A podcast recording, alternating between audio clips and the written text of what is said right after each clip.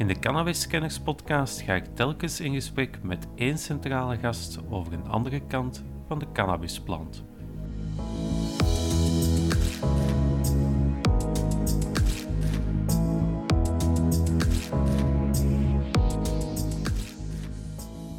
Drugs zijn gevaarlijk, maar het drugsbeleid maakt ze nog gevaarlijker. Ik vind dat een coffeeshop in Nederland nog veel te veel aanzet tot en veel te veel een sexiness creëert van wauw, daar willen we eens een joint gaan. Dus als mensen, belangengroepen cannabisgebruikers zeggen wij pleiten voor een ander druggebruik omdat wij ons gebruik willen veiligstellen. Nee, en ik vind cannabis nog altijd schadelijk.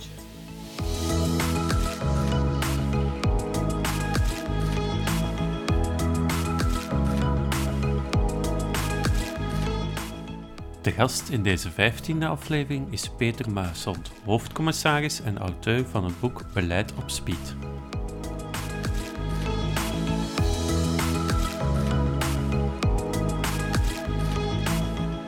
De politiek, de media. Overal horen we dissonante stemmen over het gebruik van cannabis. Tijd om de plant onder een ander licht te houden. Welkom bij Cannabiskenners. Goeiedag, Peter Maasand. Um, in ieder geval heel hard bedankt om uh, tijd vrij te maken voor het interview. Um, misschien kan je starten met jezelf even kort voor te stellen. Uh, wel bedankt voor de uitnodiging hè, voor dit interview. Ik, uh, ik ben Peter Muishond. Ik spreek vandaag enkel in eigen naam, dus niet vanuit mijn functie als politiecommissaris, want ondertussen, voilà, dat heb ik dan ondertussen alweer gezegd. Um, ik werk bij politie, maar het, uh, alles wat ik vandaag zal zeggen is eigenlijk in eigen naam. Um, maar dat zal wellicht tijdens het interview wel meer aan de orde komen waarom dat dat, uh, dat, dat zo moeilijk ligt. Ik heb een broer verloren in 2006 aan een overdosis heroïne, cocaïne, medisch, gewone medicijnen en alcohol. En ja, dat heeft mijn ogen wel doen openen. Ik ben beginnen lezen, ik heb met mensen gesproken en ik heb mijn mening over het drugsbeleid uh, als gevolg van die persoonlijke gebeurtenissen um, grondig herzien. Mm -hmm. En ik vermoed dat we het daar zelfs over zullen hebben. Uiteraard, uiteraard. Laten we misschien beginnen inderdaad met, met het overlijden van je broer. Dat is intussen 15 jaar geleden. Je hebt er dan ook een, een eerste boek over geschreven, Broers waren wij. Uh, dat ging meer over, over ja, de plaats die, die, die je broer innam in de maatschappij en hoe de maatschappij naar mensen kijkt die, waar sprake is van middelenmisbruik. Ja, um, je hebt daarna ook nog een tweede boek geschreven, Beleid op Speed. en daar stel je dan eigenlijk het, het huidige drugsbeleid in zijn algemeenheid in vraag. Nu, dat inzicht van, kijk, hoe, hoe ons drugsbeleid nu geformuleerd is, het werkt niet. Was dat iets dat je onmiddellijk had na het overlijden van je broer? Of, of is daar echt een periode moeten overgaan om tot dat inzicht te komen?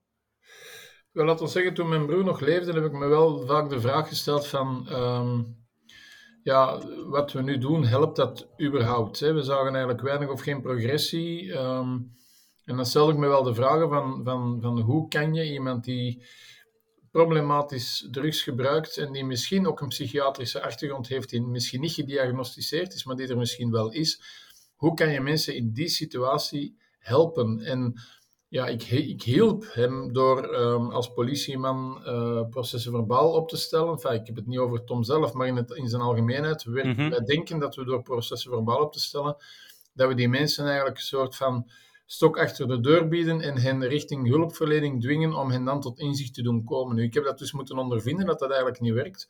Meer nog door de terugwetgeving uh, correct toe te passen en aan te leven, waren wij op een gegeven moment verplicht om mijn broer buiten te shotten. Want als je een lokaal voorziet om drugs te gebruiken, dan zet je eigenlijk volgens de drugswetgeving ook strafbaar. Mm -hmm. Dus dat, gaf ons, dat, zat, of dat bracht ons tegen wil en dank in een zeer lastige situatie. Maar op dat moment was ik er eigenlijk nog wel van overtuigd dat die stok achter de deur nodig was en dat ons werk echt wel op termijn effect had. Um, en dat besef dat dat eigenlijk weinig of geen zoden aan de dijk brengt, is pas nadien gekomen. Hè. Nadat mijn broer is overleden, ben ik in contact gekomen met onder meer Transform Drug Policy Foundation. En dat is een Brits-Mexicaanse NGO, waar onder meer een campagne Anyone's Child gestart is. En Anyone's Child, dat gaat over mensen die iemand zijn verloren, Uh, allemaal mensen die iemand hebben verloren als gevolg van het drugsbeleid. Dus dat is, uh, en dat was eigenlijk een eye-opener. Ik zeg, hm, drugsbeleid, dat was toch door de drugs dat die mensen zijn gestorven. En we hebben dan eigenlijk een volledig uh, verhaal gebracht. Een verhaal dat eigenlijk ook heel duidelijk omschreven is in, in boeken ondertussen.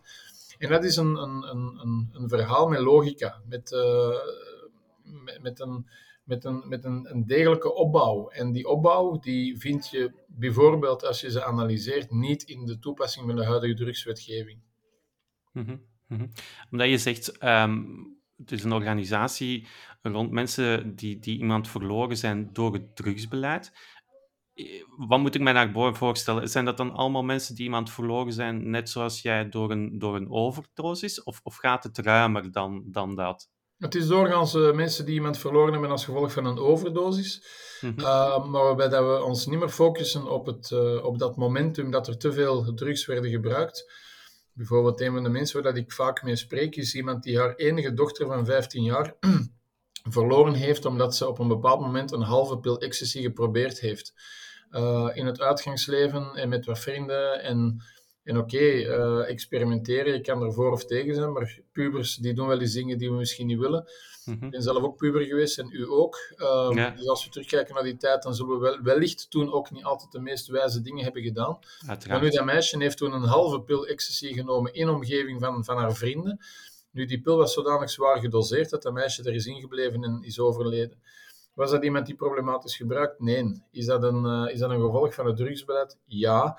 En daar kom ik dan wellicht straks wel toe, waarom dat dan een gevolg is van het drugsbeleid en niet van het, uh, het drugsnemen op zich. Um, Anyone's Child is een, uh, is een organisatie die effectief vooral het, uh, het overlijden van mensen um, gebruikt om, um, om, om, om, om, het, om het verhaal te ondersteunen. Wij hebben, allee, wij hebben echt iemand verloren, dus erger kan het niet zijn. En, en, en het verhaal dat eraan vooraf gaat, is vaak veel genuanceerder dan zuiver. Hij had maar geen drugs moeten gebruiken. Voor alle begrip, wij zijn tegen drugs. Hè, wij zijn absoluut tegen drugs. Um, maar drugs zijn gevaarlijk en dat is belangrijk. En ik weet dat u niet werkt met one-liners, maar het is wel een die belangrijk is. Drugs mm -hmm. zijn gevaarlijk, maar het drugsbeleid maakt ze nog gevaarlijker. Ja. En dat is eigenlijk het uitgangspunt dat wij mee werken. Dus wij gaan zeker geen druggebruik stimuleren, motiveren, goed praten, ver, vergoeilijken enzovoort. Absoluut niet. We hebben allemaal iemand verloren, dus we zijn er wat dat betreft eigenlijk wel falikant tegen. Maar het drugsbeleid zelf maakt het, uh, het gebruik nog veel gevaarlijker. En dat is eigenlijk ons punt. Oké, ik, ik hoor in je verhaal dat je nu al vertelt twee dingen waar ik zou willen op inpikken. Uh, het eerste waar je het over hebt is inderdaad het, het voorbeeld dat je geeft van dat 15-jarig meisje met een halve pil ecstasy. Wil dat dan zeggen dat je zegt van, kijk, als we uh, drugstesten toestaan op festivals of, of, of in ziekenhuizen, bij wijze van spreken, dat we zorgen voor een, een veiliger terugbeleid dan wat dat we nu hebben? Sowieso. Hè, sowieso zijn dat maatregelen die leiden in het, dat is in het kader van harm reduction, hè, de schade ja. beperkend. Um, het is zo dat uh, van zo, zolang drugs verboden zijn, enfin, sommige drugs zijn verboden, want niet alle drugs zijn verboden. Nee, uh, de meest gevaarlijke zijn perfect legaal en gecommercialiseerd. Maar goed, sommige drugs zijn verboden. En zolang die verboden zijn, moet je denk ik op zijn minst wat investeren in harm reduction, schadebeperkende maatregelen. En een van die maatregelen kan zijn dat drugs worden getest alvorens ze worden ingenomen. Is dat hetzelfde als het aanzetten tot of het faciliteren van druggebruik? Nee, dat is het niet. Maar als mensen echt die pillen of die poeiers willen gebruiken, dan zullen zij dat doen. Alleen kan je op die manier wellicht vroegtijdig gaan detecteren of dat er substanties in zitten die, um, die leiden tot het gewenste effect, of dat er substanties in zitten die helemaal niet geweten zijn, die heel gevaarlijk zijn. Mhm. En, um, en als we dat er kunnen uithalen, dan kan het bijvoorbeeld ook leiden tot die dealers die bijvoorbeeld heel gevaarlijke producten op de markt brengen. Natuurlijk, dat hoort men niet graag zeggen. Men zegt liever ja, maar je moet gewoon überhaupt geen drugs nemen. Just say no is ook zoiets. Hè, van, uh, ja. van, uh, van, de, van de jaren 70, denk ik, zeg je gewoon nee. Nu, de reden waarom dat mensen drugs gebruiken of problematische drugs gebruiken, ja, dat zijn problemen die doorgaans niet met één one-liner kunnen gecounterd worden. Hè. Mensen doen dat soms om zich te amuseren, maar de echte problematische gebruikers, daar zit vaak een hele complexe problematiek achter. En dan wordt het druggebruik een middel om de realiteit aan te kunnen. Ja, als je dan just say no zegt, dan zullen die waarschijnlijk eens goed lachen. En, um, en, en, dus, dus je moet daar toch wel wat realiteitszin aan de dag brengen, denk ik. Mhm. Ja, uh, aansluitend daarop heb je nu ook uh, vaak light de discussie op, omdat je zelf aangeeft het, het organiseren van een gebruiksruimte. Je hebt nu in, in Luik al een aantal jaren zo'n initiatief. In Brussel wil men dat ook opstarten. Is dat iets dat volgens jou ook dan valt onder harm reduction? Eh, gebruiksruimte voor uh, heroïnegebruikers bijvoorbeeld? Ja, absoluut. Harm reduction is eigenlijk gewoon het aanvaarden dat mensen die middelen gebruiken. Of jij mm er nu voor of tegen bent, ze gebruiken ze toch. Ja. En je probeert op die manier de schade te beperken voor de gebruiker zelf, maar ook vooral voor de maatschappij. Ja. Wat je niet wil, is dat mensen liggen te shotten, dus uh, heroïne of cocaïne in, intraveneus in, te injecteren in het portaal uh, waar dat je woont, of ergens in een plek waar dat ook kinderen passeren. Dus als je mm -hmm. die mhm. mensen kan, kan begeleiden naar een plek waar dat hulpverlening aanwezig is, waar dat mensen kunnen beginnen werken aan een duurzamer verblijf, uh, duurzamer leven, lees um, misschien een job, misschien huisvesting. Huisvesting is heel belangrijk. Misschien psychologische ondersteuning en omkadering om dat mensen te proberen richting een duurzamere hulpverlening te begeleiden. Dan heeft zowel de gebruiker als de maatschappij daar baat bij. Nu wordt dat, uh, worden die middelen ook gebruikt, alleen zie je het niet en worden de mensen opgejaagd door politie. Um, en dan, dan komen ze in een politiecel terecht en geen enkele problematische druggebruiker is ooit al gestopt met gebruiken in een politiecel. Dus het is, het, op, op, zich zijn er, ik denk dat er ondertussen al 29 landen zijn waar gebruikersruimtes um, worden georganiseerd. En daar is de, de algemene terugkoppeling unisono positief omdat je daar echt wel je populatie of je probleempopulatie zichtbaar maakt en dat je er dan ook mee aan de slag kan. Um, voor een stuk, hè. pas op, het is, het is niet allemaal zaligmakend, hè. maar het is wel een goede stap in de richting.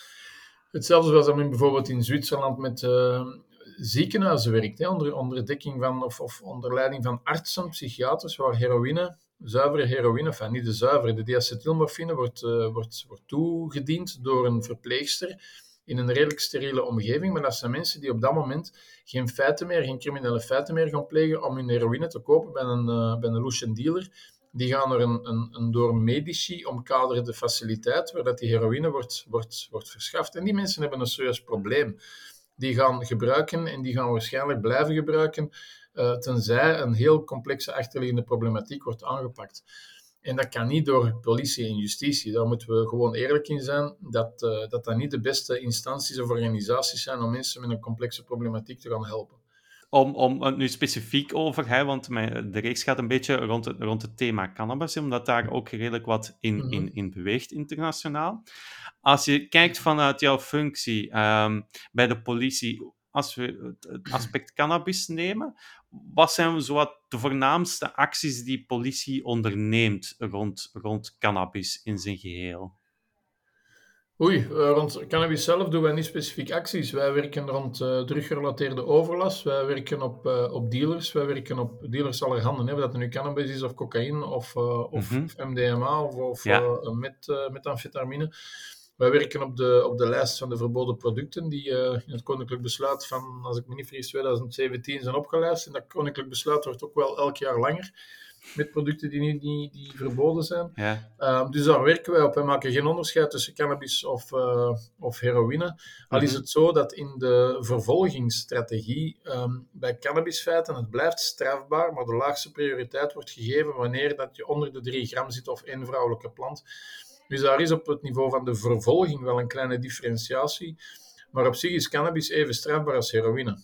Mm -hmm. In de terugwetgeving is er geen onderscheid tussen beide. Dus wij werken op al die producten op eenzelfde manier. Mm -hmm. Als je dan kijkt naar, naar het, het middelenpakket dat de politie ter beschikking heeft, dan heb ik het over ja, financiële middelen, mankracht, manuren. Hoeveel van, van het totale pakket gaat dan eigenlijk zitten in die bestrijding van illegale drugs? Nu, wij doen daar ook niet specifiek, uh, ik spreek enkel over de zone waar dat ik werk, uh, maar ook in het, in het ganse land. Ik denk dat wij nu niet echt een heksenjacht doen op, uh, op druggebruikers, in tegendeel. Maar het is zo dat je er door, door omstandigheden heel vaak mee geconfronteerd wordt. Je doet een controle en je vindt iets, ja, dan ben je vertrokken. Dan kan je, dan kan je niet anders dan die, die drugs in beslag te nemen, een gerechtelijk onderzoek, opsporingsonderzoek op te starten. En dan ben je daarmee bezig. Um, en af en toe doen we ook wel gerichte acties op ehm, op overlastgerelateerde plaatsen. Als mensen ons informeren van hier wordt openlijk gedeeld, ja, dan zullen wij er als politie natuurlijk op werken. Mhm. En eh, dat is, eh, ik, ik, ik kan dan wel een mening hebben over het drugsbeleid ehm, als politieman, en dat vind ik nog een veel belangrijker waarde. Of dat je nu akkoord bent met de wetgeving of niet. Het, ehm, in een democratische rechtsstaat moeten wij die wetten naleven. En het is aan het parlement om die wetten te veranderen. Mhm. Eh, men vraagt mij dat soms, hè, is, dat, is, dat, is het dan niet onmogelijk om je job te doen enzovoort. Ik heb het er helemaal niet moeilijk mee.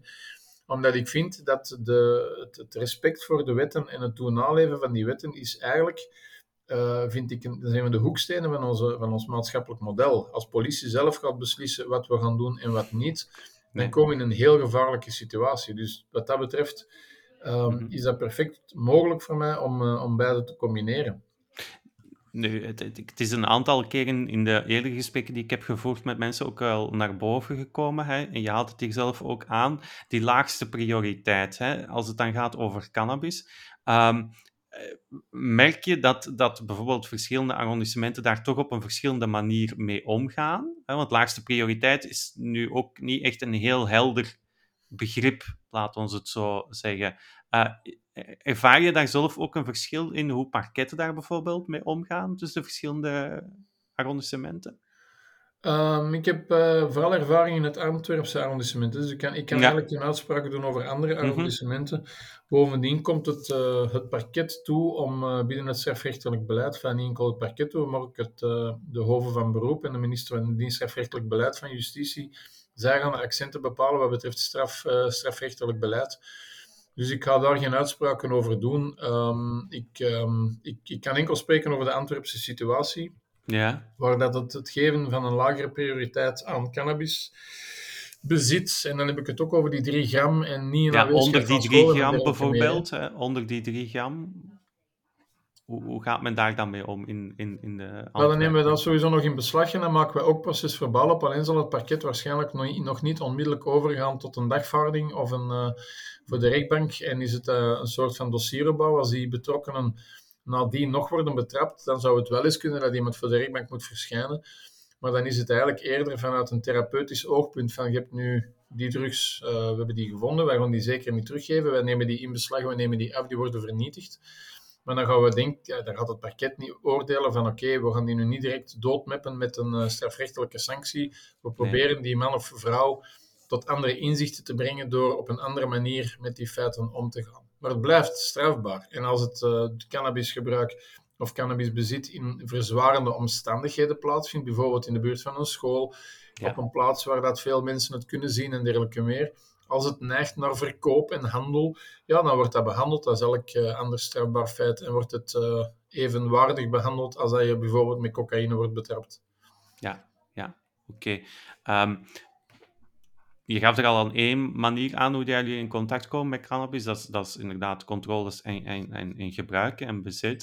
Ik veronderstel dat jullie meer als politie, als het dan al zo is, gericht zijn op, op de verkoop en, en het telen van cannabis. Is dat dan eh, de hoofdmotor of het hoofddeel van jullie ja, zaken waar cannabis betrekking op heeft? Snap je? Eh, ja, natuurlijk. Wij zijn als politieman altijd geïnteresseerd in wat dat in de bovenorganisatie... De, de gebruik op zich is, eh, is ook strafbaar, hè, punt aan de Mhm, lijn. Als ja. dat het gebruik zelf in de strafwet niet omschreven is, maar de rechtsleer heeft geoordeeld als je het gebruikt hebt, het ook in je bezit gaat voordien. Mhm. Dus je kunt niet gebruiken zonder... Enfin, dat is een, dat is een juridische discussie, maar wij gaan natuurlijk eh, proberen te trachten te traceren van waar dat de... De, waar dat de bovenbouw zit en wie dat de, Ja. de leveranciers zijn en dergelijke meer, om zo'n netwerken op te rollen. Ehm, dus dat is wat dat we doen. Of dat dan nu bij cannabis is, of bij cocaïne of metamfetamine, dat maakt ons eigenlijk geen, eh, weinig of geen verschil. Mhm, mhm. Ehm, het, het, jij gaf het ook al een beetje aan. ehm, je hebt natuurlijk ook legale eh roesmiddelen. En dan zijn de bekendste natuurlijk alcohol en, en tabak. Als je kijkt naar de overlast die een bepaald roesmiddel voor de maatschappij veroorzaakt. Want corrigeer me als ik verkeerd ben. Politie is er toch om, om te zorgen dat de, dat de maatschappij veilig is. Dat er voor een, mensen in een veilige omgeving kunnen leven. In een veilige openbare ruimte kunnen leven. Ehm, als je een, een, een, zou moeten vergelijken, eh, cannabis tegenover alcohol. Welke van de twee veroorzaakt voor de politie in de dagelijkse handhaving het meeste overlast? Ja, dat is een gemakkelijke. Hè. Dat is natuurlijk alcohol. Hè. Alcohol is een, uh, is, een, is een product waar we heel vaak last mee hebben in, uh, in huiselijke sferen, op mm -hmm. evenementen, voetbalwedstrijden, uh, mensen alcohol achter het stuur. Um, dat, is, dat is een groot probleem en dat slorpt heel veel capaciteit op. En dat is ook het argument voor mensen die zeggen, ja, we gaan niet nog andere producten gaan wettelijk regelen, want we hebben al zoveel problemen met alcohol. Mm -hmm. En wat is ja, uw antwoord daarop? Op die, want het is een, een vaak gehoord argument, inderdaad. Hè? Dat is een vraag die ik ook al alle gasten stel. Wat is het antwoord, uw antwoord op die stelling? Dat dat een redelijk, redelijk vreemde stelling is. Als je ziet dat onze nationale voetbalcompetitie, dacht ik, de Jupiler League is. Ja. Als je ziet dat daar AB InBev, een van de grotere bedrijven is met een ongelooflijke omzet. Als je ziet dat we daar eigenlijk verdoken en niet zo verdoken ongelooflijk veel reclame voor maken, dan vind ik dat een heel hypocriete stelling. In ons verhaal zullen wij voor geen enkel roesmiddel reclame maken. Geen enkel. Het wordt zelfs afgeraden om het te gebruiken, maar dan consequent door alle roesmiddelen. Maar als je het echt wilt, gaan we er niet voor in de gevangenis steken. Dus ik vind het een heel vreemd verhaal. Hè. Als ik presentaties geef soms, dan komt de toenmalige minister Gats, is mijn laatste slide, hebben dat hem aan een toast mee. ah, ja, hij is ook, bij, hij is ook betrokken bij de biersector. Hè? Ja, voilà. Ja, dus ja. Uh, dan denk ik, ja, allee, dat, is, dat is een heel vreemd, heel vreemd narratief. Ik heb daar op zich ook geen, geen, geen probleem mee, maar ik vind de mm -hmm. hypocrisie rond product A versus de hypocrisie rond product B vind ik op den duur moeilijk. Um, dus als u mij vraagt met welke roesmiddelen we de meeste problemen, dat is by far met uitstek is alcohol. Mm. Um, dus ja, daar moeten we niet over, uh, niet over die, argumenteren. Iemand die te veel heeft gebloot, zal misschien een hongerklopje hebben en veel hamburgers eten, maar daar hebben we doorgaans geen last mee. Hè. Dat is, uh, ik heb het niet over andere producten zoals cocaïne. Nee of speed, dat is iets anders, hè, want dat zijn oppeppers. Ja, maar als je spreekt over cannabis, en cannabis, um, daar hadden weinig overlast van hebben um, van gebruikers. Die, uh, die vallen in slaap of die zijn vooral chill, maar die gaan niet direct, uh, niet direct agressie. Alcohol is dan bijvoorbeeld iets dat de agressie wel wat opwekt. Ja, nu als, als je dan concreet naar een situatie kijkt, hè, er is overlast, uh, familiaal geweld bij wijze van spreken of, of hooliganisme. Ik zeg maar een aantal voorbeelden. Ja, als het over alcohol gaat, wordt dat dan ook in het proces verbaal vermeld? Of wordt daar totaal geen melding van gemaakt? Kijk, hier was ook alcohol in het spel. Want als het over cannabis gaat, veronderstel ik dat dat wel bij wordt opgeteld op het proces verbaal. Maar, maar bij, bij alcohol wordt daar dan iets van melding gemaakt? Wordt dat op een of andere manier geregistreerd door jullie? Hoeveel overlast dat jullie daarmee hebben? Wat is te zeggen, als we overlast hebben en we moeten mensen bestuurlijk van hun vrijheid beroven wegens openbare dronkenschap, blijft daar natuurlijk een spoor van achter. Hè? Mensen ja. weten dat. Wanneer alcohol in het verkeer een, een, rol heeft gespeeld, wordt dat natuurlijk ook opgenomen in het proces verbaal. Mm -hmm. Wanneer uh, alcohol een rol speelt bij huiselijk geweld, dan wordt dat als dusdanig ook omschreven in het proces verbaal. Dus wat dat betreft is het onze taak om zo objectief mogelijk vaststellingen te doen en het uh, ambt van de procureur des Konings of de burgemeester, afhankelijk van een strafrechtelijke of een bestuurlijke handhaving, om die zo correct mogelijk te informeren over de omstandigheden van, uh, van een arrestatie of een, of, een, of een andere maatregel. Dus dat, is, uh, dat, dat, dat wordt zeker in alle openheid meegedeeld. Mm -hmm. Dus alcohol wordt wat dat betreft ook correct ge, gerapporteerd. Ja, als je dan kijkt naar um, ja, zaken zoals jullie, zoals de politie vaak doet, inderdaad, controles, um, of, of, of wanneer men een grote uh, inbeslagname heeft van, bij wijze van spreken, twee ton cannabis, bij wijze van spreken, heb je het gevoel, en dan spreek je uiteraard natuurlijk uit je eigen persoon, dat dat soort zaken effectief een impact heeft, heeft op, op, op het gebruik, eerst en vooral, maar ook op de prijs. Je kan je voorstellen, een beslagname van, van 10 ton cannabis, heeft dat effectief in, invloed op de prijs, op het gebruik? Of, of is dat gewoon maar, uh, ja, we hebben zoveel in beslag genomen en we hebben goed gewerkt? Ja, het tweede, hè, want als je dat, er is, er is, ik, heb, ik heb die wetenschappelijke referentie nu niet bij de hand, maar er is ooit onderzoek gedaan in het Verenigd Koninkrijk hoe lang een drugsmarkt aan de, aan de consumentenkant ontregeld is bij een grote inbeslagname, dat ongeveer 20 minuten. Dus dat is het. Het is ongeveer 20 minuten dat dat een impact heeft. Dat het, uh, dat was een grote boksbal, geslaagd erop, dat trilt even en dat valt onmiddellijk terug in zijn plooi. Dat is een beetje hetzelfde met de drugsmarkt. Bovendien is het een foute inschatting om te denken dat die straatwaarde effectief verhaald wordt op de criminele organisaties.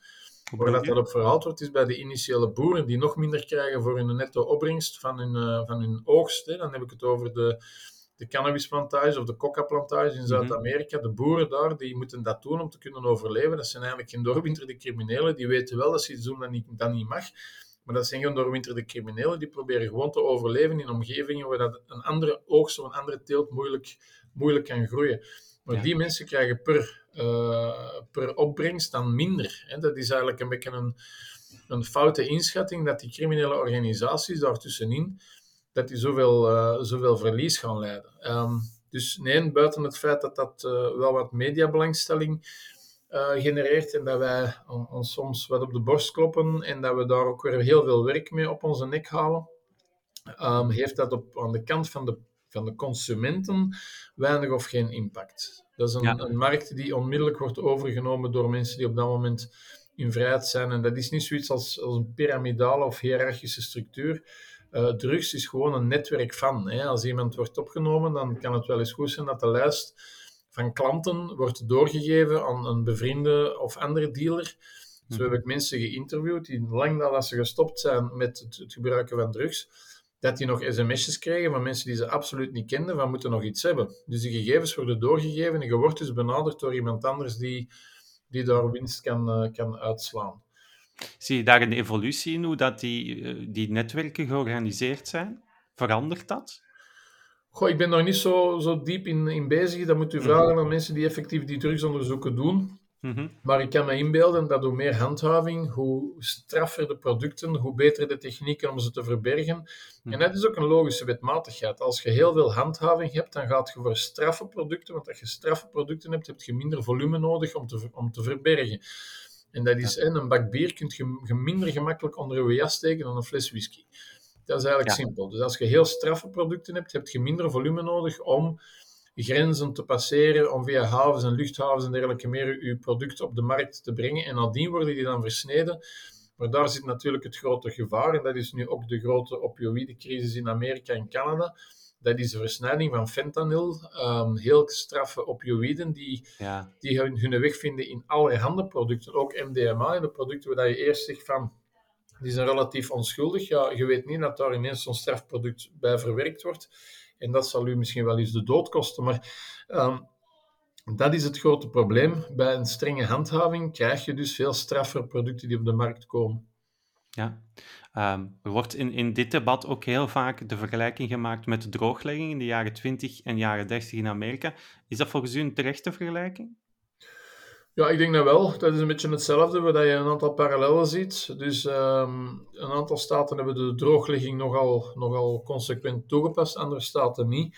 Maar dan zie je in die staten waar dat het niet werd toegepast, dat al bij al de schade nog beperkt bleven. En, de, en de staten met een rigoureuze toepassing of handhaving, ja, die hebben een, uh, een Al Capone woord gebracht. Hè. Dat is omdat het dan mensen blijven drinken. Alleen gaan ze veel straffer spul drinken dat ergens in een achterkamer is gebrouwen. Of, uh, of spul dat gebrouwen is door georganiseerde criminaliteit. Mhm. En dat is een wetmatigheid, hè, prohibition. It, still doesn't work. Hè. Dat is ook iets dat we wel eens horen. Um, zolang dat we de menselijke natuur miskennen, ja, eh, zullen we nergens komen, denk ik. Mensen zijn eigenlijk en, en kijk naar uw eigen omgeving, kijk naar uzelf. Uh, wij hebben af en toe eens een roes nodig. Sommigen doen dat door te gaan sporten, anderen doen dat door, door, door vettig eten te nemen, anderen doen dat door porno te kijken. Maar, maar mensen hebben na, na een lange werkdag, in stresserende omstandigheden, af en toe die roes nodig. Hè. Wij kunnen niet enkel leven op plat water. Dus als je dat blijft miskennen, dan kom je tot de situaties dat mensen producten gaan nemen die echt niet veilig zijn. Moeten we dat stimuleren? Moeten we dat aanmoedigen? Nee, absoluut niet. Hè. Dat is, maar dat is een compleet ander verhaal. En dat is een argument dat heel vaak wordt gebruikt als, als wij spreken, is ja, je gaat het toch weer niet in de supermarkt. Dat is eigenlijk het debat compleet ja, ja. aandoen. Hè. Ja, dat is, ja, inderdaad. Dat is, dat is iets wat je uh, vaak hoort in dat debat van, ja, stel je legaliseert cannabis, ligt morgen in de Delijs. Ja, kijk naar Canada, hè. een van de G7-landen waar dat het ondertussen al twee of drie jaar gelegaliseerd is. Kijk eens hoe dat het daar aangepakt wordt. Canada kan je moeilijk een derde, derde rangsland noemen. Mhm. Canada kan je moeilijk een, eh, een land noemen dat uh, vrijheid, blijheid. Daar zijn, uh, uh, maar daar heeft men op een bepaald moment ingezien van ja, dit kunnen we niet blijven handhaven op deze manier. Wij gaan op een bepaalde manier omgaan met dat cannabisgebruik. En dat is door een goede verpakking, door boodschappen erop, door een beleid te voeren dat mensen die het mogen verkopen eerst nog een bepaalde screening moeten ondergaan. Niet iedereen mag het verkopen. Dat moet... Dus je zit dan met een volledig vergunningensysteem, licenties. En niet iedereen kan het kopen. En bovendien is er wellicht ook een soort van identificatie van de, van de gebruiker. Ja. En probeert men op die manier het illegaal circuit van, uh, van dealen en dus uh, cannabis met heel hoge THC-waarden, om dat toch een halt toe te roepen. En ik heb er geen flauw idee van hoe dat het gebruik in Canada nu is, maar het zal alleszins veiliger zijn. Zelfs al zou het een beetje gestegen zijn in volume, zal het alleszins veel veiliger zijn en zal de overheid er überhaupt nog een, aardige cent aan overhouden ook.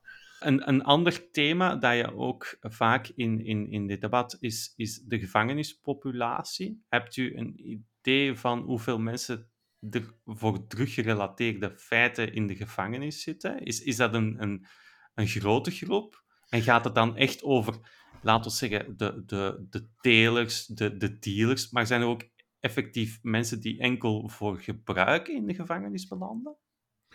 Ik durf daar geen uitspraken over doen, maar ik denk dat er wel degelijk een aanzienlijke deel van de populatie druggerelateerd is in de gevangenis. Mm -hmm. uh, of dat dat nu echte gebruikers zijn, dat weet ik niet. Ik denk dat we daar in België alleszins in een rechtssysteem zitten waarbij we de gebruikers toch proberen zoveel mogelijk uit die gevangenissen weg te houden.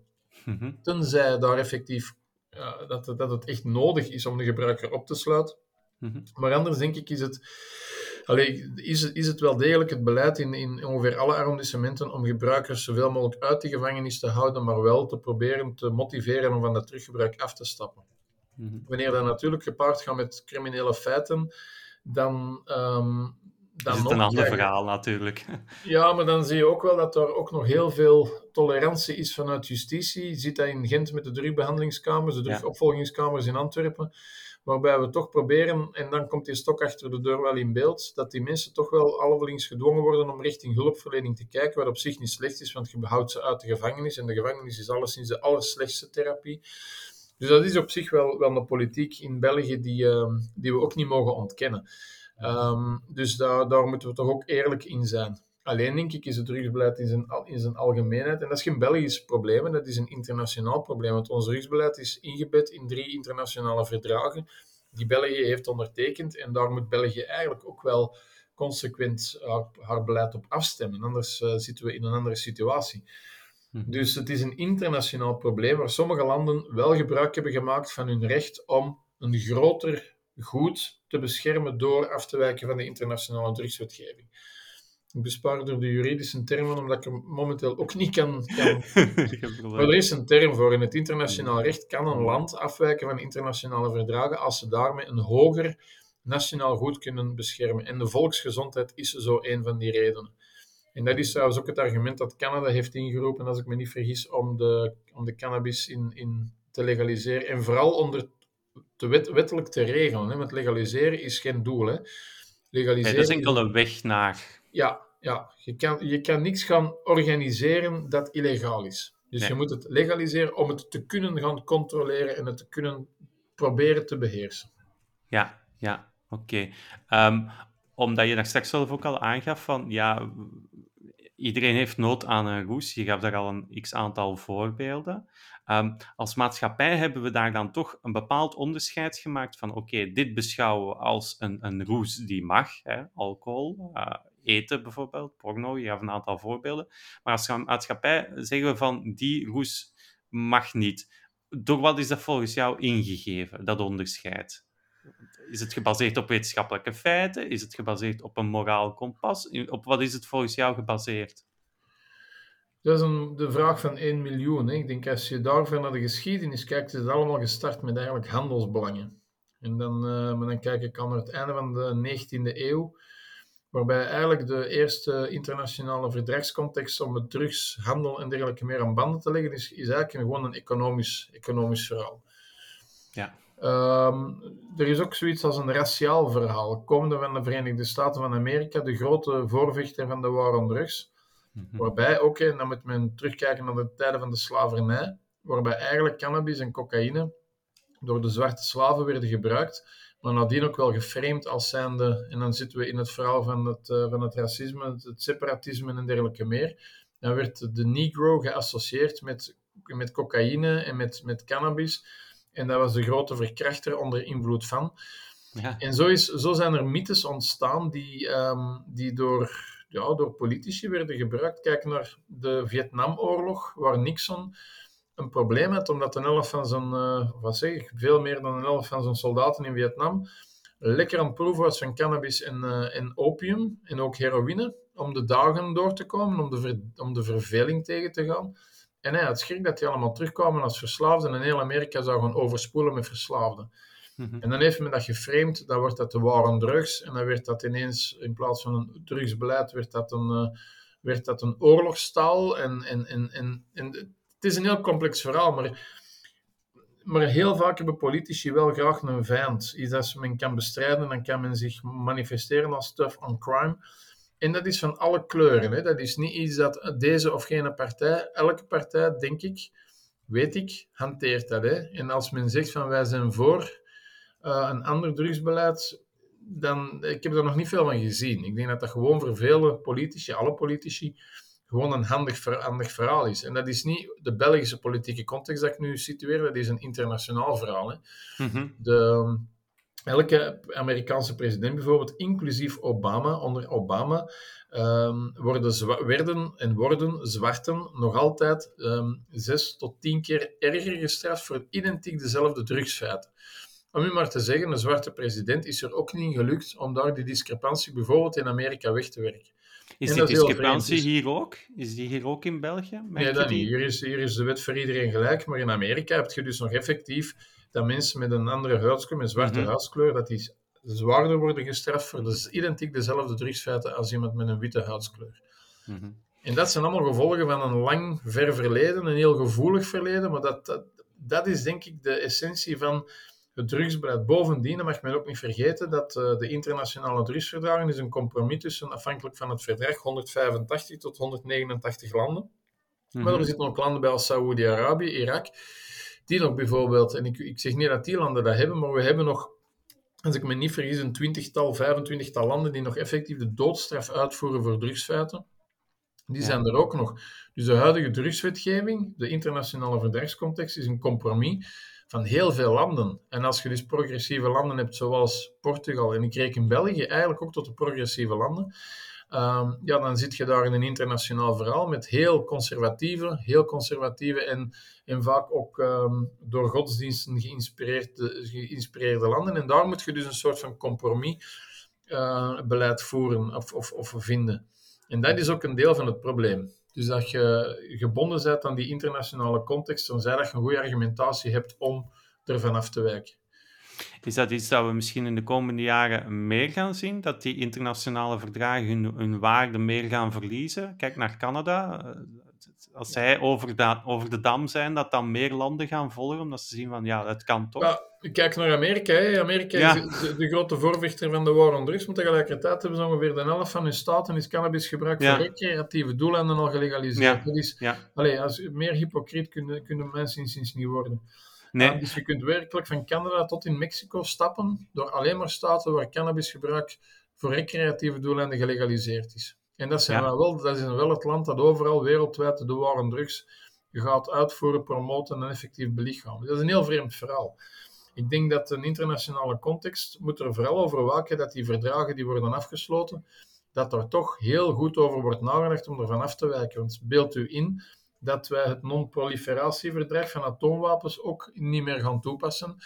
dat, is, dat zijn contexten, dat zijn omgevingen die internationaal besproken zijn, om toch met bepaalde uh, belangrijke objectieven in het, in het achterhoofd, dan denk ik dat die, en ik hoop dat dat zo blijft, dat die internationale gemeenschap haar rol kan blijven vervullen.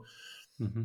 Het nadeel is natuurlijk dat sommige dingen veel minder flexibel kunnen gewijzigd worden. Het voordeel is dat daar toch wel wat mechanismen in het leven worden geroepen om om een hoger goed te vrijwaren. Dus ik vind die in internationale context op zich niet altijd slecht. Wat je ook heel vaak hoort in, in dit debat, ik weet niet in hoeverre je dat daarmee eens bent, is dat, dat men vaak zegt er zijn groepen die te winnen hebben bij deze oorlog tegen drugs, die er voordeel uithalen. Geloof je dat ook? En, en zo ja, welke groepen zijn dan volgens jou het belangrijkste? Um, ja, natuurlijk zijn er groepen die daarbij te winnen hebben, maar of dat dan nu uit te drukken is in valuta, dat is iets anders. Maar ik denk dat de politieke wereld daar sowieso bij te winnen heeft, omdat men, één, niemand wil zwak zijn on crime. Tough on crime is een goed verkiezingsargument. Geldt voor alle partijen trouwens. Dus wat dat betreft zeggen van, oké, we, we geven nu toe dat die strijd tegen de drugs eigenlijk een, uh, een, een geldslorpend gedrocht is zonder enig effect. Dat gaat geen ene politicus durven doen. Dat is een beetje de miserie. Je hebt daar echt wel mensen, witte raven voor nodig, die dat durven. Zoals de president van Uruguay en Trudeau nu in Canada. Dat zijn mensen die, die, die, die, durven, die durven vooruit gaan. Maar doorgaans is dat een heel goed argument. Uw electoraat wil niet dat je een, een politicus bent die die zwak is on crime. Hè? Want dat wordt dan door de oppositie wel geopperd enzovoort. Dat is één. Dus de politiek heeft daar eigenlijk wel een interessant verhaal. Je kunt de strijd mhm. voeren tegen iets ter vrijwaring en ter verdediging van de bevolking.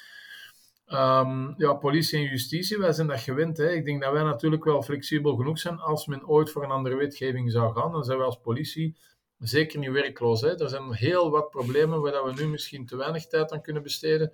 Um, en dan denk je dat die zeker de nodige aandacht gaan krijgen de criminele organisaties sowieso. Maar dat is, natuurlijk, um, dat is natuurlijk inherent aan het model. Als je dat natuurlijk gaat legaliseren en onder wettelijke controle, kun je bijvoorbeeld een aantal uh, doel, dan heb ik het vooral over de landbouwers in de eerste lijn, die kunnen dan op een legitieme manier, een legale manier een oogsten gaan, gaan verkopen. Um, en die criminele organisaties daartussenin, die zullen wellicht iets anders zoeken om op een, uh, op een slinkse manier geld te, te pakken. Dat zal wel zijn maar ook wel een hele grote doelgroep beschermen. Dus ja, natuurlijk zijn er altijd wel belanghebbenden in. Uh, je ziet dat ook aan degenen die daar heel snel veel geld mee willen verdienen, die is, is iets willen gaan, van een boot gaan afhalen of, uh, of wat gaan dealen. Dat is een heel lucratieve business. Anders zou het niet, uh, niet zo blijven bestaan. Oké. Okay. Um, ehm, ja, je boek, um, vooral ook je tweede boek, Ehm, ja, is toch een, een, een punt van kritiek op, op, het, op het beleid zoals het ook in België wordt gevoerd. Um, krijgt die visie die je hebt gegeven in je boek enige weerklant in de politiek? Heb je daar met politici over gepraat? Want het is toch een, een vrij afwijkende mening, zeker voor iemand in, in jouw positie. Hoe is men daar in de politiek mee omgegaan of heeft men daar niet echt op gereageerd op het boek? Ik heb, uh, nu, ik heb bij de vorige, maar dat is, dan spreek ik bij het uitkomen van het boek, heb ik met ongeveer politici van alle politieke partijen gesproken. Ik ga de namen nu niet ontbloten, omdat dat, dat, dat hoort niet. Nee, maar achter gesloten deuren is iedereen unisono er, erover eens dat, uh, dat dit beleid een, een, doodlopende straat is. Uh, maar voor de camera's gaat men dat natuurlijk niet, niet zeggen en gaat men dat misschien ook zelfs ontkennen. Maar ik ben vanuit de politieke wereld eigenlijk op geen enkele manier... Um, hoe zal ik het zeggen, onheus behandeld. Die hebben geluisterd, mhm. we hebben geargumenteerd. We zijn uh, als, als volwassen mensen uit elkaar gegaan. De meeste problemen heb ik gehad binnen politie, vanuit uh, dat er op een achterbakse manier een brief gestuurd is aan de minister van Binnenlandse Zaken. Dat, dat soort fratsen is er wel gebeurd. Um, mm Maar ik moet zeggen, vanuit de politieke wereld heb ik eigenlijk geen enkel weerwerk gehad. Men is niet akkoord met wat ik zeg, niet iedereen, maar ik heb met de politici die ik gezien heb, mhm. van alle plumage, uh, heb ik telkens een heel interessant gesprek gehad. En we namen ook gewoon zei van, ja, ideologisch kunnen wij uw standpunt niet delen. Ja, fair enough. Zo, zo, werkt, ons, zo werkt ons systeem. En ik vind dat we die democratische rechtsstaat die we hebben, hoe complex het ook mogen wezen, uh, dat we dat wel wat moeten koesteren. Uh, als ik zie rondom ons in andere landen, zit, zit het hier wel best oké ik kan als politieman dit boek schrijven. Dat op zich vind ik al... Vind ja, dat is al heel mooi, hè? Dat zou je veel landen uh, niet kunnen doen, denk ik. Voilà, voilà. Ja. En, dat, en, en, dat apprecieer ik. En dus vind ik ook dat ik in mijn uitspraken altijd eh, de nodige voorzichtigheid moet aan de dag leggen mm -hmm. over het beleid op zich, internationaal gestoeld en soms de toepassing in het, in het eigen land. Heb ik mijn mening, maar ik werk nog altijd voor de overheid en ik zal, ik zal daar mijn job doen zoals ik die moet doen. Bovendien... Zal ik zelfs misschien net iets meer mijn best doen om vooral dat argument te, on, te, te, ontwapenen of te ondermijnen van ja, hij heeft een andere mening, hij werkt niet op drugs. Uh -uh, nee, nee, dat is niet waar. Niemand zal mij daarop kunnen betrappen. Maar ik hoop wel dat er vroeg of laat een kentering komt, al is het maar voor al die mensen. En ik, ik volg nog redelijk wat mensen. Ik heb nog vaak contact met mensen wiens zoon, dochter partner zwaar in de problemen zit met middelgebruik en dan komen die naar mij en vragen die advies dat ik hun niet kan geven. Ik kan alleen maar luisteren en zeggen, ik begrijp wat dat je doormaakt, want we hebben het ook allemaal meegemaakt. Maar ik ben nog wel heel vaak met die mensen uh, bezig. Ik hoop alleen voor die mensen dat er, um, dat er ooit, liefst vroeg, liever vroeger dan later, dat er een ander drugsbeleid komt. Al is het maar in een eerste tijd met wat harm reduction, bijvoorbeeld een gebruikersruimte en dergelijke meer, dat we dan toch al een, een aantal antwoorden kunnen bieden op problemen die mensen hebben. Als, als we kijken, je, geeft zelf aan, ik heb gesprekken gehad met politici. Um, ze, ze begrijpen je standpunt. Is het dan vooral het, het ideologische dat, dat voor hen het, moeilijk maakt om, om dat standpunt te, te, delen? Is het vooral ja, de ideologische achtergrond van bepaalde politieke partijen die, die daar niet bij aansluiten bij jouw visie? Deels. Um, en andere politieke partijen die, uh, die al jaren um, ja, in, in, in, in, in, in beleidsposities zitten die misschien ideologisch meer aansluiten bij ons verhaal, maar ze hebben ook nog weinig of geen stappen ondernomen. Ja. Dus het is een, uh, een complex verhaal. Ik denk dat politiek gaat over compromissen sluiten. Hè? Mm -hmm. en, ik, uh, en een ideologische uitgangspositie vind ik absoluut niet slecht. Dat is geen dat vakbonden ook doen, maar wat, uh, wat actiegroepen. Actiegroepen vertrekken ook vanuit een bepaalde ideologie, vanuit ja. een bepaald ideeëngoed. En dan komen de ideeën en die botsen wel eens en dan vindt men daar wel een compromis in. Dus, um, ik, uh, maar ik denk dat het nu, op dit moment in België, is het vooral een ideologische kwestie. Um, maar ik maak mij sterk dat vroeg of laat de pragmatiek het, uh, het wel zal halen. En dat men bijvoorbeeld eens de centen gaat beginnen tellen, wat dat dit beleid kost en welk effect het heeft. Nu, dat zeggen wij al lang. Hè. Denk aan uh, mensen, u hebt ze er straks genoemd, die mensen hebben dat waarschijnlijk al 20, 30 jaar geleden geopperd, met identiek hetzelfde verhaal als nu. Ja. Maar men moet, uh, ik, ik blijf hoopvol Um, Omdat je ziet dat er nu, bijvoorbeeld Frankrijk heeft nu ook gebruikersruimtes. Frankrijk was nu ook niet het meest progressieve land. Het Verenigd Koninkrijk, denk ik, is in Schotland. Enfin, Schotland is ermee begonnen, denk ik, als ik me niet vergis. Waar mhm. dat eigenlijk heel veel progressief werk is verricht in uh, enkele, enkele tientallen jaren geleden. Maar dan is dan omwille van andere politieke partijen enzovoort teruggeschroefd. Maar in Engeland was men eigenlijk heel ver gevorderd. Zwitserland is koploper, denk ik, wat betreft uh, de behandeling met mensen die, die problemen hebben met heroïne. Tsjechië en Portugal zijn voorbeelden van hoe binnen het, het juridisch kader toch op een andere manier kan omgegaan worden met gebruikers en ook kleine straatdealers. Dus er is wel wat aan het bewegen. Als je ziet naar Amerika bijvoorbeeld nu, de grote voorvechter, met een half van de staten mag recreatief gebruik van cannabis uh, wel. Canada, Uruguay. Um, dus ik denk dat men Silicon wereldwijd wel begint te beseffen. Hier moeten we toch wel iets gaan, uh, gaan doen. En als er landen zijn waar dat men een liberale regime ombuigt, is het vaak vanuit ideologische standpunt of overweging. Mhm. Als je kijkt naar, naar, je noemde al een hele reeks landen op. Uh, als je kijkt naar welke plaats neemt België in, in, in, in dat lijstje van uh, beleid rond cannabis, uh, bungelen we daar dan meer achteraan, denk je? Of, of... Nee, ik denk, dat, uh, ik denk dat we eigenlijk in alle eerlijkheid redelijk vooraan het peloton zitten. Al zal niemand. Als je, je, moet, je moet dat in de context zetten van een internationale omgeving. Als je dat kijkt naar bijvoorbeeld Nederland, waarbij je die voor- en die achterdeurproblematiek ja, hebt. Absoluut, al 30, um, 40 jaar. Hè? Ja, waar dat is even, even flu dan, uh, dan de Belgische ja. situatie, denk ik. Alhoewel, in België heeft men een Vorm, uh, destijds heeft uh, professor Brijs Ruiver, uh, waar dat ik trouwens een heel goed contact mee had, want we kwamen elkaar wel eens tegen in, in internationale omgevingen. Hij was natuurlijk voor, voorstander van het huidige beleid. Mm -hmm. Hij zei ook van, um, nu, wacht even, ben ik met een draad kwijt, dat wij eigenlijk in België al een de facto decriminalisering hadden, omdat het, het bezit van een gebruikershoeveelheid cannabis de facto niet vervolgd werd en, en, en de laagste prioriteit had. Hè. Dus, um, dus ik denk dat maar toch hebben we geen veilige producten. Dat is een beetje, want dat is toch een grote ja. factor om te gaan legaliseren dat je veilige producten hebt. Ja, maar door zo'n vaag beleid heb je dat niet. Van, dat is de essentie van het, van het verhaal. Zolang je iets in de illegaliteit laat, weet je niet wat je gebruikt. En dat is dan ook het argument van de prohibitionisten. Ja, blijft er dan af, maar zo simpel is het niet. Dus maar dan hebben we toch in België, op dat vlak hebben we dan toch geen goed beleid. Want zoals je zegt, oké, okay, we hebben het de facto gedecriminaliseerd, gebruikershoeveelheden. Maar die gebruikershoeveelheden moeten nog altijd in de illegaliteit gekocht worden. Dus Ja. in hoeverre plukken we dan de vruchten van een soort van decriminalisering of legalisering? Ja, omdat... Niet echt? Niet echt, nee, niet echt. Maar je ziet wel in het, eh, in het verhaal dat mensen bijvoorbeeld niet direct... eh, u- dat uw strafblad niet onmiddellijk wordt verzwaard omwille van, van feiten met gebruikers hoeveelheden cannabis en zo, enzovoort. Uw punt rond de gezondheidsschade en de grote risico's om het in de illegaliteit te laten is natuurlijk meer dan terecht.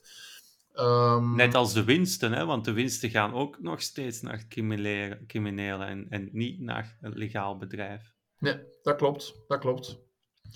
Maar om op uw vraag te antwoorden, ehm, het, zou, het zou ook kunnen dat wij bijvoorbeeld mensen met gebruikershoeveelheden cannabis onmiddellijk voor de rechtbank leiden en in Ja. de hoop om die veroordelen. Dus daar zitten we, wat, als, als je dat facet bekijkt, is, is ons beleid al iets progressiever, maar het maakt deel uit van het prohibitiebeleid. En het prohibitiebeleid heeft nu eenmaal een aantal zeer manifeste nadelen. Mhm. Mhm. Oké. Ehm, de toekomst, als je zelf zou mogen kiezen van, kijk, cannabis, eh, we, gaan over naar een, een legalisering. Hè? Eh, je zegt zelf, eh, dat wordt ook heel vaak in andere gesprekken gezegd, legaliseren is eigenlijk maar een proces hè, om tot een regulering te komen. Hoe zou voor jou, vanuit jouw functie en uit jouw persoonlijke visie, ehm, cannabis het beste geregeld worden? Wat zouden voor jou belangrijke regels zijn? In, in... Ehm, eh,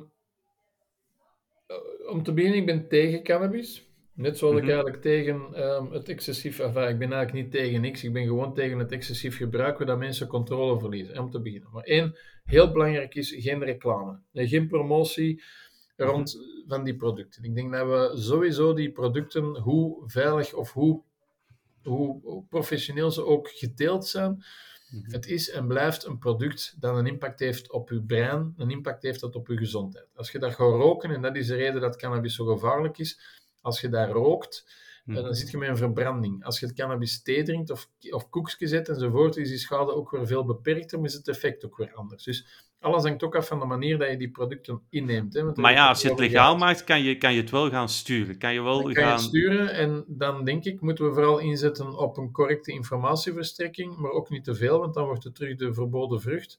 Ik Mhm. vind dat je er zeker geen reclame mag maken, dat je erkende verkooppunten moet hebben waar dat je ook bijvoorbeeld in sommige gevallen u moet identificeren. Dat je Mhm. lijsten aanmaakt van mensen die de producten kopen. Dat je ook kan inze- inzetten op, eh, op leeftijd. Dat de verpakking moet eh, child baby-proof zijn. En op die verpakking moet perfect staan wat dat erin zit. Ehm, een beetje te vergelijken met een, een legale markt van alcohol. Al denk ik dat alcohol nu ligt in de supermarkt. Wel nu, ik zou heel graag zien dat ook de alcohol in, in de huidige supermarkten daaruit geweerd wordt en dat er afzonderlijke verkooppunten komen voor alcohol. Je kunt dat nog altijd gaan kopen, maar je verhoogt een drempel.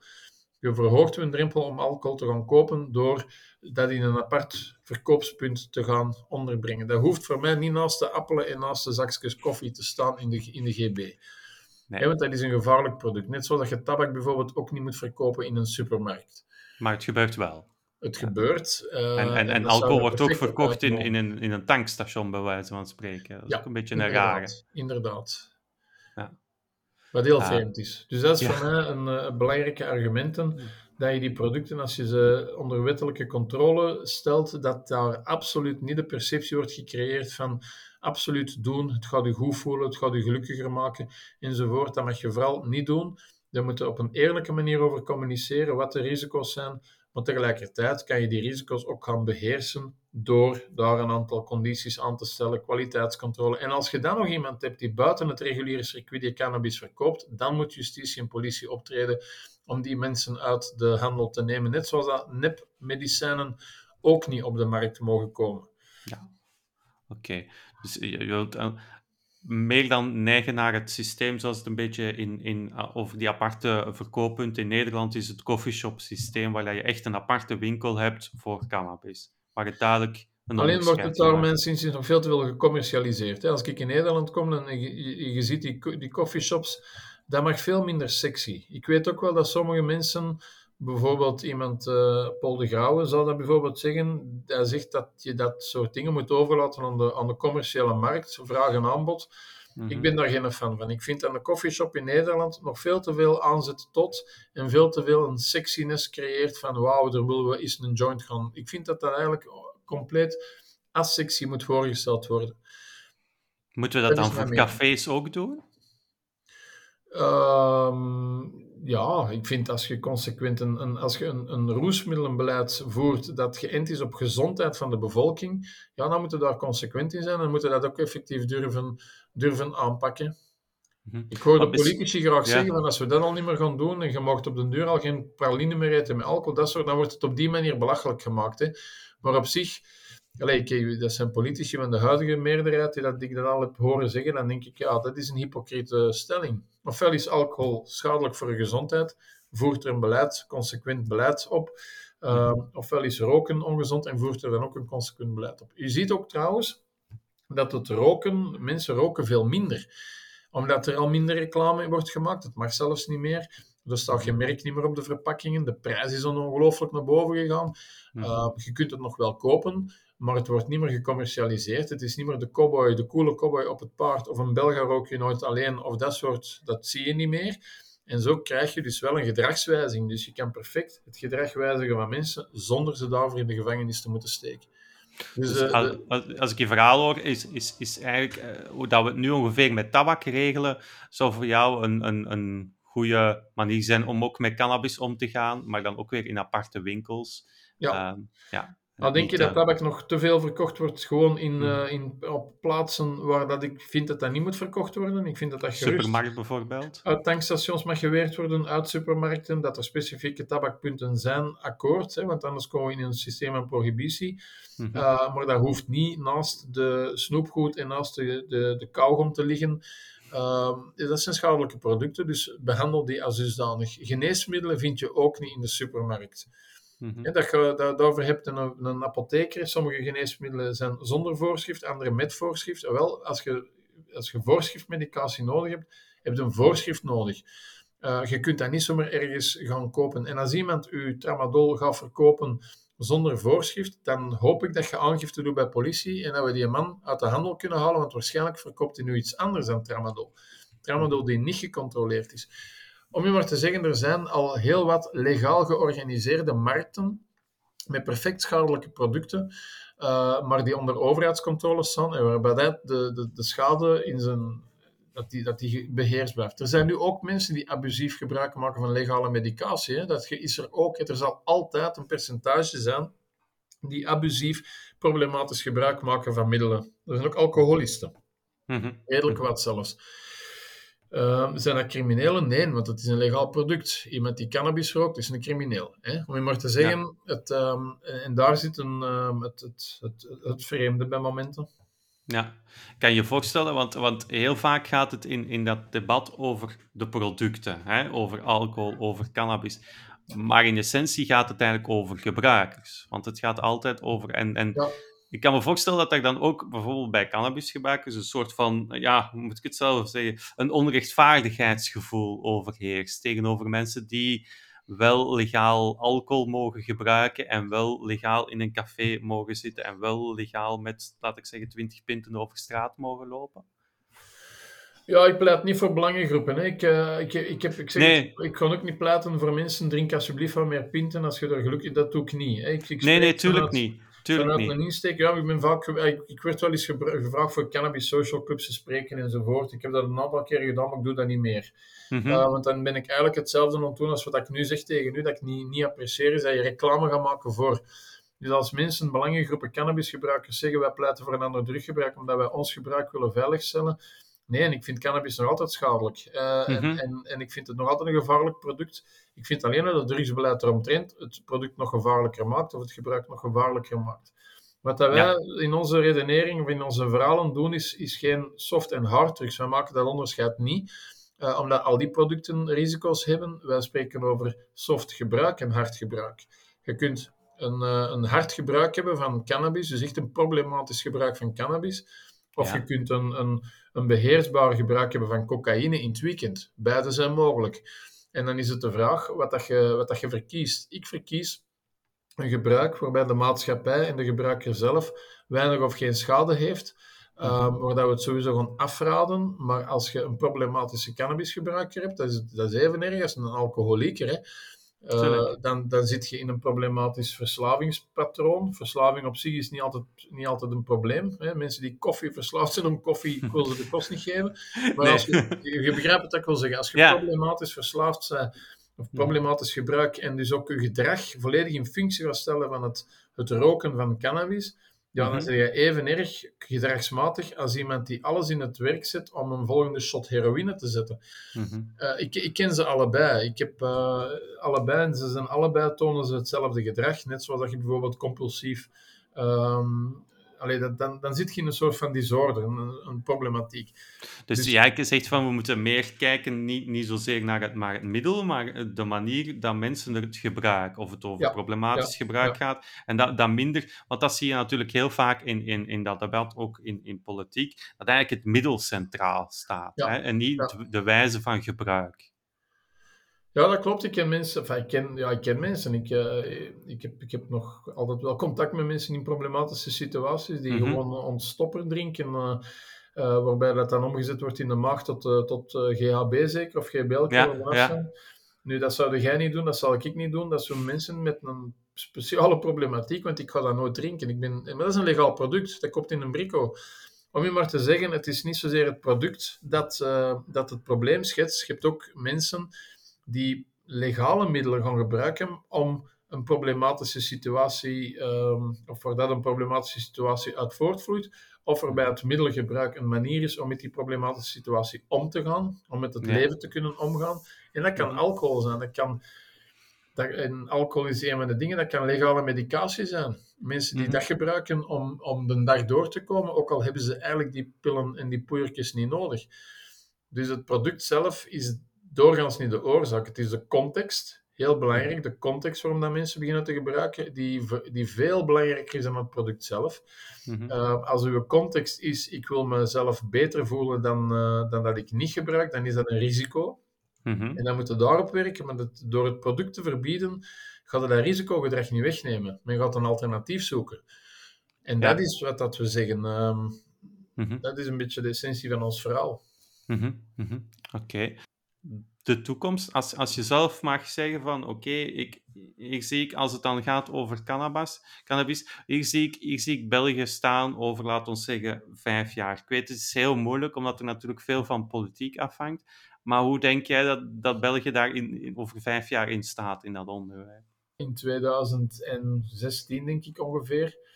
Dan, um, dat is ongeveer vijf jaar geleden, toen hebben heeft men mij die vraag ook gesteld. En dan dacht ik, ja, het zal binnen vijf jaar zal dat wel helemaal anders zijn.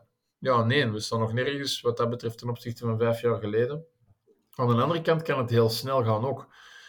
Um, dus ik durf daar geen uitspraak over doen. Ik mhm. blijf hoopvol. Mhm. ik, um, ik ben er zeker van dat onze politici allemaal wel beseffen dat wat we nu doen eigenlijk um, niet ongelooflijk veel effect heeft. Maar wanneer ze de morele moed hebben om te zeggen, we gaan dat nu eens grondiger bekijken en we gaan dat op zijn minst al eens in een parlementair debat uh, in alle mhm. openheid terug ter discussie stellen, mm -hmm. dat is iets anders. Ik hoop, ik hoop dat dat al op korte termijn kan. Hè, dat er al eens in alle openheid kan over ja. gedebatteerd worden en dat men dan zegt, we kiezen voor deze of gene weg.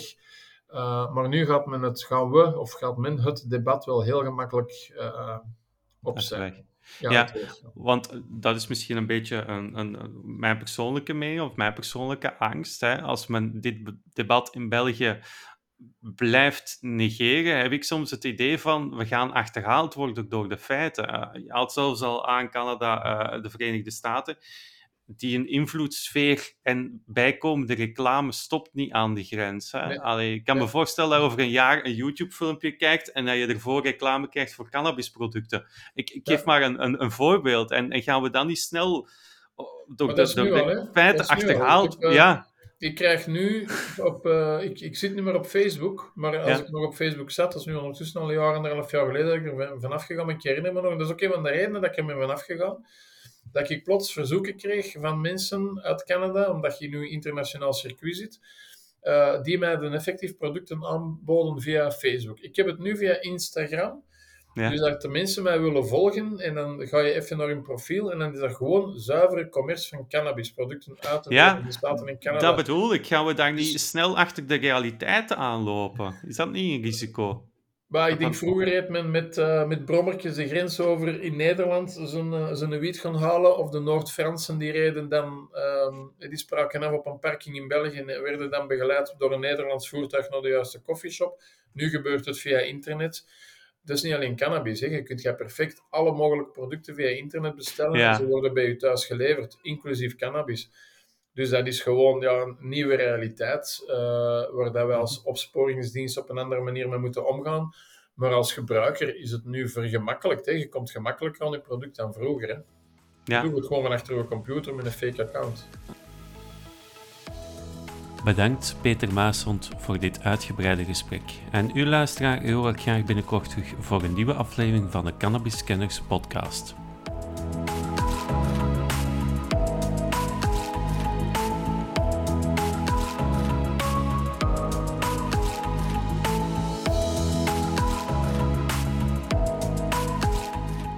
Meer podcasts ga naar www.cannabiscanners.be of voeg Cannabiscanners toe in je favoriete podcast-app.